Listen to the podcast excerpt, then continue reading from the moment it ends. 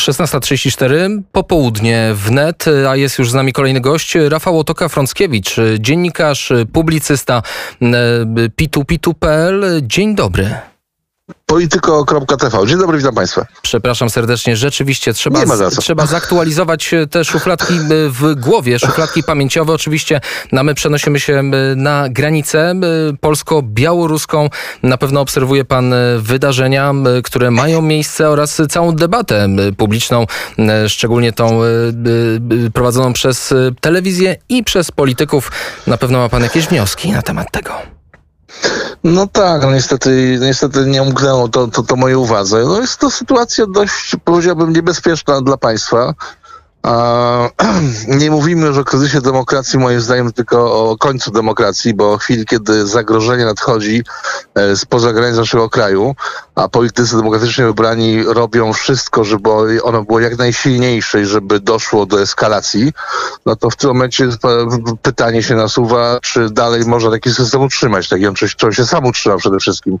E, sytuacja, w której główne media, mam na myśli TVN, e, promują rosyjską optykę zdarzeń, w chwili, kiedy opozycja w nienawiści do rządu y, nienawidzi własnego państwa i też y, używa retoryki rosyjskiej, no jest, jest trochę przerażające, jest, nie jest trochę, jest przerażające. To jest znany scenariusz na zasadzie na złość mamie odmrożę sobie uszy, byleby tylko uderzyć w rządzących i zyskać punkty. Tylko pytanie, czy to jest sposób na zyskanie punktów? A czy tak, punktów w ten sposób na pewno nie zdobędą, to jest pierwsze. Yy, okazuje się opozycja opozycją antyeuropejską, bo mimo tego, że są już głośne komunikaty z Brukseli mówiące o tym, że za żadne skarby nie można go wpuszczać przez tą granicę, yy, no opozycja dalej używa retoryki rosyjskiej. Także to, to jest, znaczy jest, ja zawsze byłem daleki od określenia kogoś mianem, e, nie wiem, ruskiego agenta e, i tego typu retoryki, ale to, co w tej chwili dzieje, jest, jest, jest, jest bardzo niebezpieczne, bo ci ludzie zdają sobie, oni ciągną, że to jest zabawa, tak? Bo bawili się świetnie przez ostatnie 6 lat, uda, udając opozycję, a de facto nic nie robiąc, tylko myślałem coraz to bardziej wysublimowany ich zdaniem e, wulgaryzmem. I oni myślą, że to jest ciągle zabawa, a to nie jest zabawa, bo to jest nie tylko granica Polski, ale to jest też granica Unii Europejskiej. E, to jest ewidentny atak hybrydowy Federacji Rosyjskiej. I chwili, kiedy są zagrożone granice Europy i Polski zarazem, tego typu sytuacje w ogóle są nie, do, nie powinny mieć miejsca, a mają. I to jest, i to, i to, i to jest powtórzę ten raz przerażające. Słyszymy, słyszymy właściwie dwugłos. Z jednej strony nie powinniśmy wpuszczać, powinniśmy chronić granic jak najszczelniej, bo od tego zależy bezpieczeństwo Polski i Unii Europejskiej. Z drugiej strony słyszymy, to tylko kilku biednych ludzi, powinno się ich wpuścić. Przecież są do tego protokoły. Po pierwsze, to nie jest kilku biednych ludzi, tylko za nimi stoją setki tysięcy takich biednych ludzi. Poza tym to nie są biedni ludzie, bo przedostanie się z Afryki czy, czy, czy, czy Azji, tej, tej, tej bliskiej nam, e, kosztuje krocie. To nie są biedni ludzie. To są ludzie, którzy u siebie mają dobry, dobry, dobry status materialny i jeszcze ich stać na to, żeby ryzykować wycieczkę do Europy w celu jeszcze większego polepszenia swojego statusu. Przecież oni płacą po kilka tysięcy dolarów od głowy. E, myślę, że mało który Polak ma tyle, żeby sobie wyjechać na wakacje. Parę tysięcy dolarów. A oni te pieniądze, oni te pieniądze mają. Także to nie są biedni uchodźcy. Za, jeżeli wpuścimy pięciu, za, za przyjdzie 50, 50 tysięcy i tak dalej, i tak dalej. E, bo to jest ten kierunek zdarzeń. I mówienie o tym, że trzeba wpuścić, bo są biedni, no, jest delikatnie rzecz mówiąc w najlepszym wypadku naiwne. W takim razie A... co z planami dotyczącymi budowy muru, płotu, chociaż bardziej chyba zasieków, bo dwu metrowe żelazne konstrukcje, które mają odstraszyć imigrantów. Znaczy, znaczy to jest, to jest, to, to jest, to jest niestety, to, tutaj niestety powiem tak, druty są ciągnięte od dwóch miesięcy. Sytuacja zaczęła się w kwietniu kwietniu nikt się tym kompletnie nie interesował. W kwietniu Straż Graniczna zgłaszała potrzebę ustawienia muru, bo widzieli, co się dzieje, że to będzie eskalować. Przez y, kilka miesięcy rząd nic z tym nie robił. Politycy wydają się w ogóle nie wiedzieli o tej sytuacji e, od kwietnia i teraz nagle są jakieś działania podejmowane. No, mur, mur w jakiś sposób pomógł Grekom, tak? W mur w jakiś sposób pomógł Węgrom, e, mur w jakiś ten sposób pomoże nam. E, tylko, że za tymi migrantami jest jeszcze armia białoruska, są Rosjanie. Także płot, no okej, okay, no ale to, to, to, to, to, to taki stan minimum tak naprawdę. Po trzeba będzie o wiele bardziej wzmocnić granice. Ja rozmawiałem e, kilka dni temu na polityko.tv e, z doktorem Leszkiem Sykulskim i on wprost mówi, że należy naszą Straż o wiele bardziej uzbroić w transportery, sprzęt ciężki, tak żeby to de facto stała się e, jednostka taka bardzo milita bardziej militarna, tak? że miała siłę odstraszania. Także no, nieciekawie się, nieciekawie się dzieje, a będzie jeszcze mniej ciekawie. Na pewno ta granica nie będzie już tak jak do tej pory taka zielona, a czy będzie bardziej zielona od, od, żołnierzy i lepiej, lepiej uzbrojonych. No w tym kierunku, w tym kierunku raczej to idzie. Strona polska y, oskarża stronę białoruską o przepuszczanie, wręcz właściwie wypychanie imigrantów ze swoich granic. Z kolei Aleksandr Łukaszenka zmienił optykę, mówi, no nie, to Polacy naruszają y, białoruską granicę i wywołują konflikt graniczny.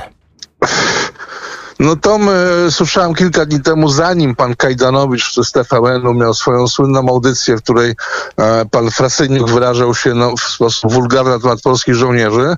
E, kilka dni wcześniej ten sam dziennikarz dokładnie tą, e, tą, tą, tą retorykę białoruską wygłaszał w, w TVN-ie.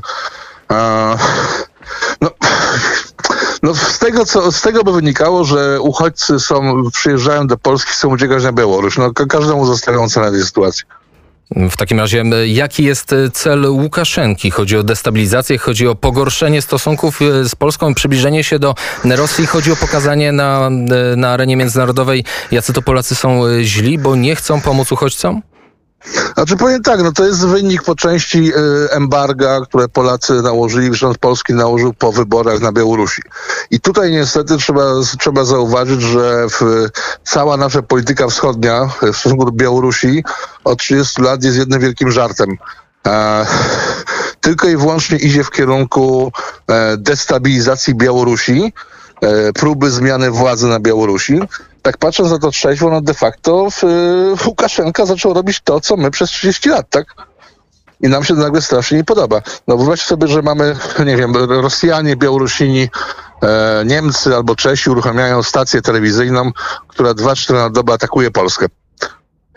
Czy my byśmy sobie, czy my byśmy sobie z tym nad tym przeszli do porządku dziennego? No chyba nie, tak. Tymczasem Polska przez 30 ostatnich lat cały czas atakuje rząd białoruski mimo różnych ze tamtej strony gestów przyjaznych, to się kompletnie nie zmieniało.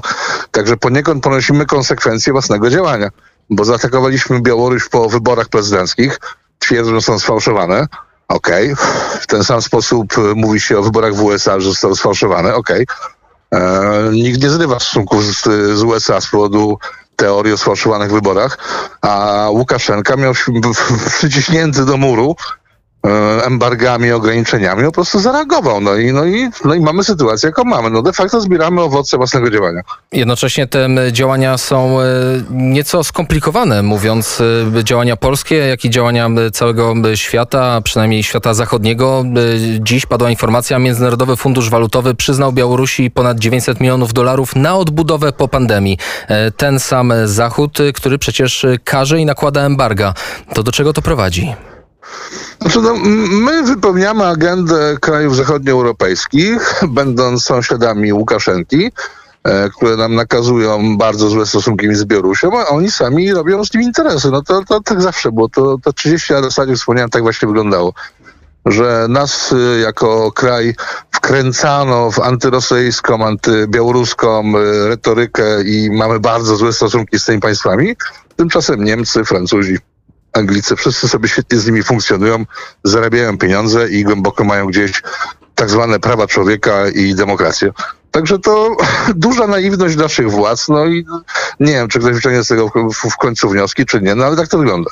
W takim razie to pytanie pozostawimy otwarte, sprawdzimy jaki będzie bieg wydarzeń, czy te wnioski zostaną wyciągnięte. Dziękuję serdecznie za rozmowę. Gościem popołudnia wnet był Rafał Otoka-Frąckiewicz, dziennikarz polityko.com. Tym razem chyba się nie pomyliłem. TV, ale dziękuję. TV, ale jak wejdziemy na kom, na pewno również odnajdziemy tak, tak, pański tak, tak. kanał. Dziękuję Dokładnie serdecznie za tak. rozmowę. Miłego do dnia, usłyszenia. miłego.